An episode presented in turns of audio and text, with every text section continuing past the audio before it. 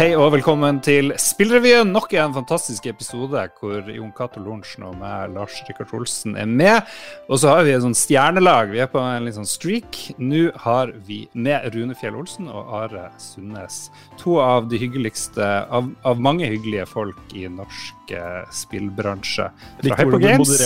Fra. Og level up. Ja, vi må gi rom. Det kan komme noen flere. Plutselig dukker det opp en tredje person, som kanskje enda hyggeligere.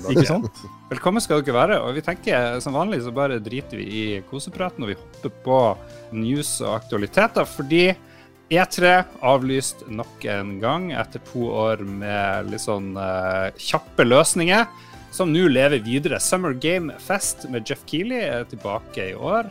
Og vi har sett State of Play fra Sony, og vi har fått et eget show fra Xbox eh, med, med Bethesda. Og så kommer det andre ting som PC Gameshow, Future Gameshow, Wholesome Games Direct osv. Og eh, første jeg kan spørre, det er jo eh, begynner med Rune. Er det, er det her gode erstatninger, eller er det bedre enn E3? Jeg vil ikke si det er bedre. Det som har skjedd nå, er jo at, eh, at i og med at ikke du har det der samlende punktet eh, på etere, hvor alle er, så velger da veldig mange av disse store aktørene å spare godsakene til uh, andre events andre steder i året. Så det er litt lengre mellom de virkelig, virkelig store tingene. Men det som er positivt, er jo at sånne spill som da Snusmumrikken får eh, lov til å skinne litt ekstra. Det var veldig gøy å høre stemmen din på, på Holdsom Direct, uh, Are. Uh, veldig morsomt. Skal vi høre med, med, Are? Hva du tenker Savner du E3? Nei, altså, jeg har aldri hatt noe særlig forhold til E3, for å være ærlig. Det er mest liksom dere pressefolk som, som har hatt det det er litt sånn som det har blitt nå de siste åra, så syns jeg kanskje det er litt overload med veldig, veldig mange små klipp fra veldig mange spill, og det blir veldig mye på en gang. da. Selvfølgelig Før var det kanskje litt mer fokus på de store titlene, som på en måte som eh, Rune sier er jo bra for sånne som oss, som, som er liksom mellom eh, Som ikke er liksom de aller største, heller ikke de aller minste. Så får vi på en måte uh, skinne litt mer i, i, sammen med veldig mange av de små, da. Det er jo et enormt mylder. Har, har, det noe, eh, har dere firedobla wishlist og alt sånn? Har det noen sånn målbar effekt av å være én eh, av tusen spill som skal vises fram i løpet av en uke?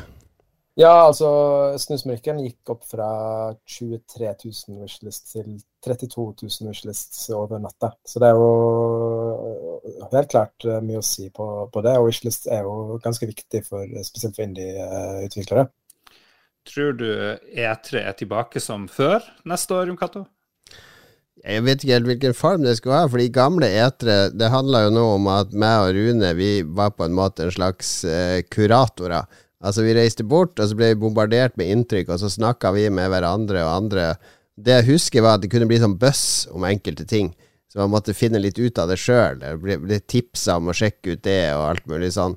Nå er det egentlig bare å sitte og se 15 timer med reklame, og du blir jo ganske mett. Altså, den ene traileren etter den andre, hvor mye space horror og, og annet skal du konsumere før du Du sitter liksom og spiser iskrem time på time på time, til slutt blir du litt sånn kvalm. Så jeg tror ikke det Jeg, jeg føler som forbruker, og jeg er jo mer forbruker nå enn Eller jeg lager jo de greiene her, men jeg føler meg som en forbruker fordi jeg kjøper spillet, spiller det jeg har lyst til å spille, så gir det meg ikke så mye. Men det gir meg noe å høre hva Rune ble imponert av, eller hva andre, uh, Nathan Brown og andre som jeg følger, ble imponert av. Men jeg føler jeg har ikke noe behov for å sitte og se alt det her tingene sjøl.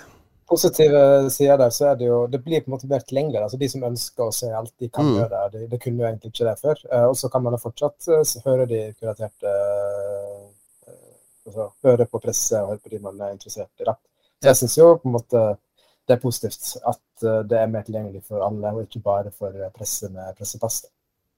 En ting som, som jeg syns er veldig positivt med uh, sånne samlende events, da, hvor man blir på en måte tvunget foran skjermen og øynene dine er retta mot den skjermen, er jo at selv jeg, da, som følger ganske godt med, oppdaget jo en del spill som har vært annonsert for en stund siden, og har blitt vist fram kanskje først og fremst for sånn mindre community-grupper på uh, Discord og den type ting. Eh, men et spill da, som Angryfoot, som dukker opp på Devolver Digital sin pressekonferanse, som jeg ikke hadde sett noe fra, som var et av de kuleste spillene jeg så i år. Eh, man blir jo på en måte tvunget da, til å oppdage en del sånne skjulte perler. Eh, og der mener jeg fortsatt den type events har en ganske viktig funksjon, altså. hva du savner mest, Rune, med å ikke dra bort på E3 og the good old days? Nei, jeg, jeg syns jo det er uh, sånn, litt sånn grunnleggende viktig når man kaller seg selv journalist, at man har muligheten til å snakke med disse folkene som lager disse spillene man dekker. Det er på en måte uh, litt sånn grunnleggende, men det var jo ekstremt sjelden man fikk de gode intervjuer. Også det var mye PR i på, mye eh, manusbasert eh, svar. Eh, hvis man spurte om noe som var litt utenfor eh, manuset, så gikk de liksom i, litt i, i, i, stå. De visste ikke helt hva de skulle svare, og det ble mer sånn at de kikka bort på PR-folkene og sånne ting. Så det var bare veldig, veldig sjelden. Um, men av og til da, så dukker det opp en, en utvikler som er litt i fride sur, og som har lyst til å snakke fritt, og som får lov til å snakke fritt. Og da er det gøy å være journalist. Så, så det er den biten jeg savner mest. Men jeg savner jo ikke den der stresset av å løpe fra avtale til avtale. og ikke minst stresset over å gå glipp av ting, for man har jo mye bedre oversikt når man sitter foran en, en datamaskin eller en TV-skjerm her hjemme i Norge og kan bare se på alt, og så kan man google litt. Ja, det var jo de utviklerne som lagde det, og så ja, har man litt mer kontroll. da. Så, så, jeg savner ikke det fysiske eteret også, jeg gjør ikke det. det altså det E3 var jo akkurat som en vanlig seminar eller konferanse. Det er det som skjer mellom avtalene som er det spennende. Og det er jo det samme på GDC. Det, det er jo ikke de der talksene eller det der messegulvet som var der det skjedde. Det var alt som skjedde utenom og rundt i periferien, der man møtte folk eller hadde satt opp egne møter og, og, og, og bare bompa borti folk og var på en, en, eller annen sosial tilstelning og ble kjent med en annen utvikler som står i de samme problemene osv. Så, videre. så det, det, var det som var etere òg, var jo all den der eh, kunnskapen man fikk fra å snakke med tilfeldige folk mellom disse møtene. Uh, og det, Du får jo ikke det på nettet nå. Det vi får nå, er jo en trailerkavalkade der alle får sjansen til å skinne litt. Og det drypper litt på alle, og så sitter man igjen mett, og for, kanskje er man fornøyd, og så, og så venter man på så er man litt sånn skuffa òg. Det er jo mye hat på nettet mot uansett hva som vises fram. Så er jo, er jo fansen skuffa, virker det som nå. Mm. Uh, jeg vet at Rune må stikke snart, men jeg tenker kanskje først ta opp det her. da. En av de mer interessante nyhetene det kommer jo under Microsoft Betesta-show, og det er jo at eh, Riot Games har inngått et samarbeid hvor GamePass-abonnenter nå vil få tilgang til karakterer og annet innhold som vanligvis må kjøpes som DLC. og Det gjelder i første omgang League of Legends, Wild Rift, Legends of Runeterra, Team Fight Tactics og Valorant. Det er kjempespennende av flere grunner. Fordi det her, eh, For det første, et par av de her spillene er mobilspill, og det er free to play-spill. Det er ikke akkurat noe som GamePass har drevet og lefla med før. Altså, Hva får du hvis du er GamePass-subscriber og spiller f.eks. League of Legends eller Valorant? Jo, du får tilgang til en masse eh, karakterer som egentlig er gjemt bak mikrotransaksjoner. Så du får en del gratis eh, av det. Og nå snakker vi plutselig om at GamePass blir aktuelt for eh, ungdommer som spiller League of Legends eller Valorant eller mobilspill, fordi hei, nå slipper jeg å bruke 20-30 dollar i måneden på dette spillet. Nå får jeg alt jeg trenger, gratis. Og så kan du tenke deg forlengelsen av det, Microsoft eier jo snart Blizzard. Diablo Immortal. Hva med hvis du er GamePass-spiller, så får du en sånn fast strøm av disse gemsene og alt du trenger for å oppgradere deg, sånn at det blir en ganske knirkefri opplevelse uten noe kjøpepress. Det, plutselig så kan du renvaske det spillet, og i forlengelsen av det så kan man plutselig begynne å lage gratisspill som er kjempebra hvis du er GamePass-medlem helt motbydelig motbydelige hvis du ikke er GamePass. Altså det, er mange, det, det åpner mange, mange mulige, muligheter, det her. Ja. Rune, har uh, Microsoft gjort en sånn, skutt noen gullfugl her, eller hva tenker du om uh, det Jon Cato spår om fremtida? Jeg tipper jo at det vil komme mikrotransaksjoner på toppen av, av dette her, ja, da, i form av skins og, og, kosmetikk og den type ting. At det er der pengene skal komme. Men den pressekonferansen til Microsoft var jo veldig tydelig preg av å gi verdi for pengene til GamePass-abonnentene. Det var jo mange store spill som ikke var der fra liksom Fable til Perfect Dark og Hellblade 2 og alle de tingene som vi går og gleder oss til på Xbox, det var jo ikke der. Vi fikk Redfall og Starfield. men det var tydelig at her var det de neste tolv månedene de hadde sett for seg, Alle de 30 spillene de viser fram, skal komme i løpet av de neste tolv månedene. Eh, gratis day one på GamePass, det var budskapet deres. Så de prøver jo å gi, uh, gi GamePass en verdi.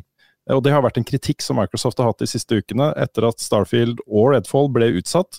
var Hva får vi igjen for pengene i 2022 på GamePass? Og det var det de svarte på her. Så sannsett så synes jeg det var en vellykka uh, pressekonferanse for Microsoft. Det er mye verdi for pengene der. Uh, selv om jeg da kanskje savna noen av de store. Men jeg tror at uh, den modellen med gratisspill vil nok få et lag av mikrotransaksjoner på toppen også, for å være lønnsomme. Det, jeg ville blitt overraska hvis ikke det var mer der. Nå har vi jo med en gjest der som har vært på GamePass day one. Are. Hvordan var denne opplevelsen? Det var veldig Altså, vi fikk jo veldig mange spillere. Uh, og jeg kan ikke snakke veldig mye om detaljene rundt uh, kontrakten, og ting, men for oss så var det, var en positiv ting. Men det klart det kannibaliserer veldig på andre plattformer. Det, det går jo utover uh, Steam-salg, f.eks.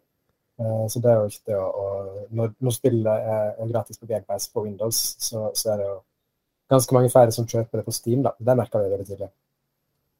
Fikk du betalt av Microsoft for å ha spillet gratis tilgjengelig på, på GamePass?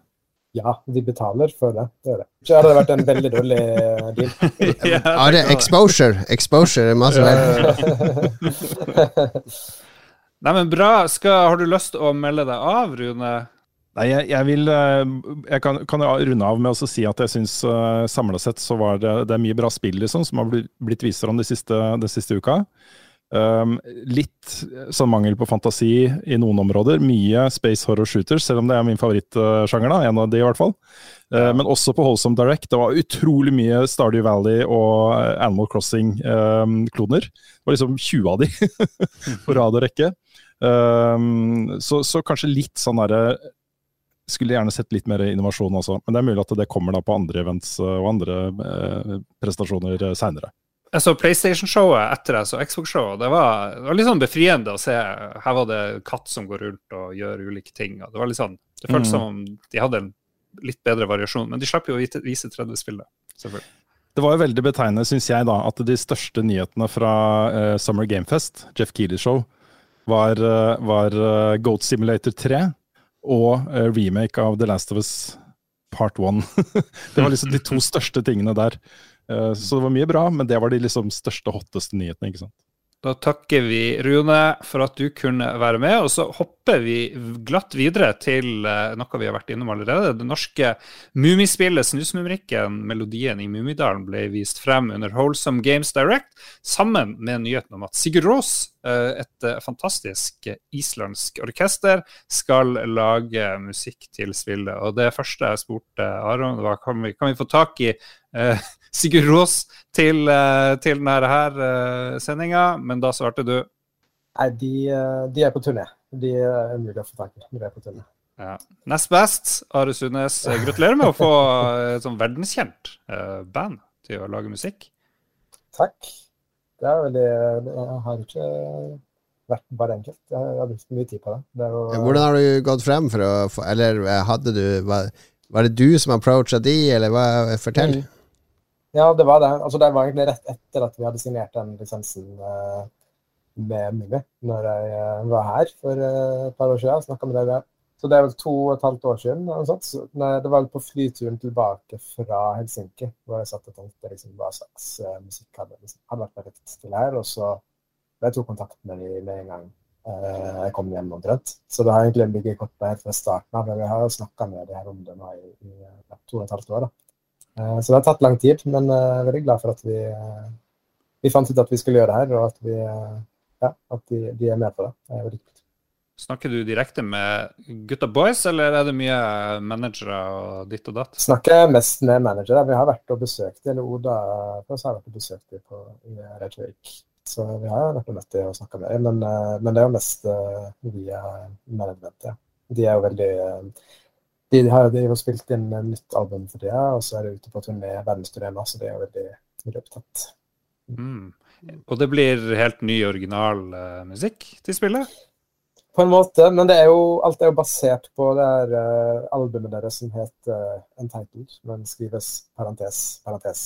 Uh, så vi baserer veldig mye av soundtracket eh, til spillet på de låtene, men så blir de på en måte arrangert og, og lagd i nye variasjoner. Altså nye mikser da, med nye uh, instrumenter. Altså, vi får leke litt med, med musikken og, og gjøre den måte, til noe som passer godt inn i snudsmykken. Som dere også vil høre i den traileren som vi slapp nå på helgen, hvor på en måte første halvparten av traileren er Oda sin uh, take av uh, Nei, av, sorry, av Sigros.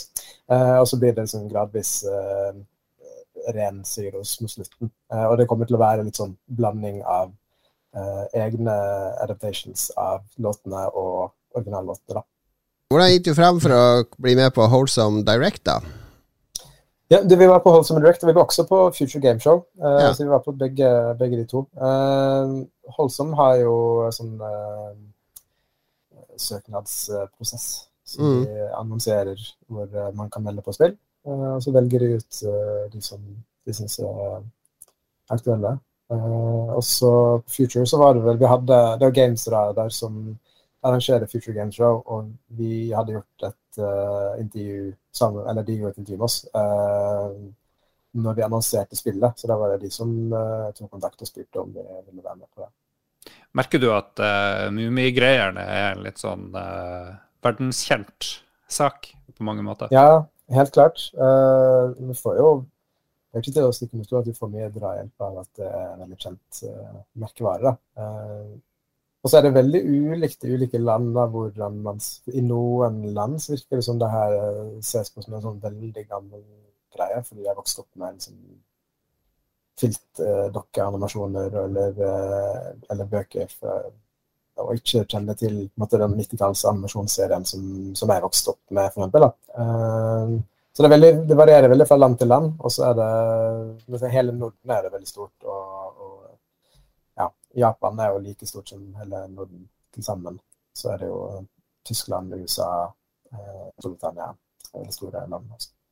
Da vi eh, lanserte Mosaikk, så ble det jo konsert med Håkon Kornstad på launchparty. Nå kan du love konsert med Sigurd Ross på uh, Snusmumikken launchparty, ah, Are. Det hadde vært kult. Vi hadde tenkt tanken. Uh, jeg tror det er lite sannsynlig at vi får gjort det. Men uh, det er lov å drømme.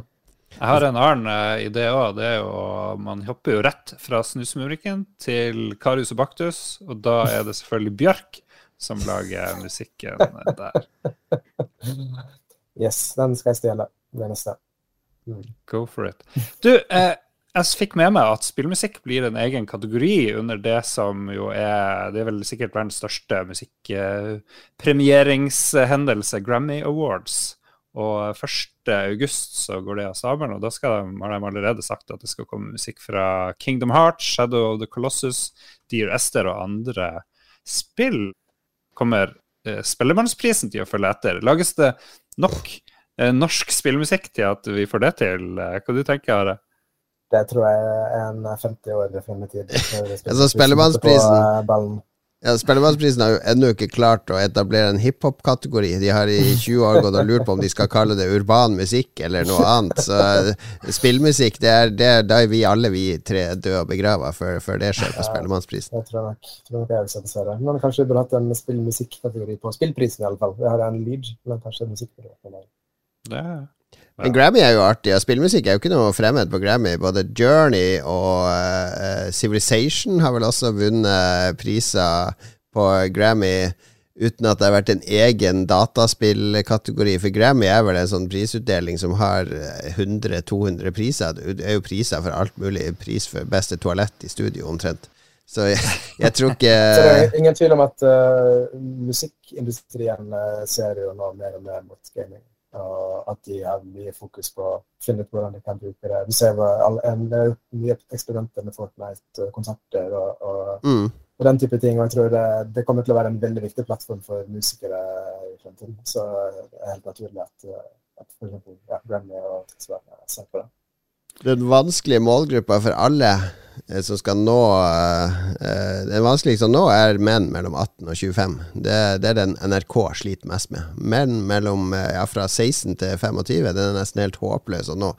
Og der er jo spill en gylden mulighet til å nå, nå frem, rett og slett. Ja. Da sier vi tusen takk til Are, som skal legge barn. Tusen takk for at du var med. Ha det. Mot slutten av sendinga ser vi på hvilke spill som er kommet eller på tur, og jeg ser du har funnet én uh, ja, det er mye Det var noen sånn snikdropp og sånn eh, på disse showene, og noen demoer som kom, og litt andre ting. Og så er jo den uka her er litt sånn notorisk uh, Eller vanligvis er eteruka litt sånn vanskelig å slippe spill i, fordi det er fokuset på alt som kommer. Men uh, et av spillene som ble vist frem, og som kommer nå denne uka, er jo Teenage Mutant Ninja Turtles Shredders Revenge. Pixel-slåssegreier med opptil seks spillere. Som i hvert fall på vår stream så var vel en uh, Håkon Puntervold uh, ble jo helt i ekstase når han så dette. Så jeg tenker jeg, da får vi nevne det. Ja. Og så tenker jeg seks spillere, det høres veldig mye ut. Det, det blir bare kaos. For mange spillere. Nei, det blir gøy å se hvordan det er. Mange som sikkert vil prøve det.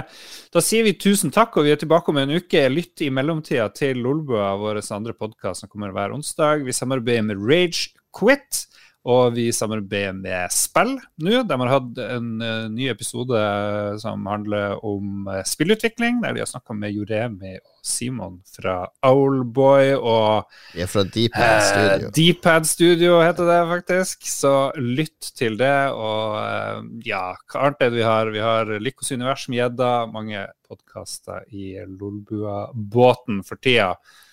Helt til slutt så skal vår venn Jon Cato Lorentzen uh, si uh, hvilke ting du bør gjøre, du som lytter neste uke. Ja, du får gå wishlist wishliste Snusmundbrikken, som har oppfordra til. Så det ligger på Steam nå. Jeg wishlista det.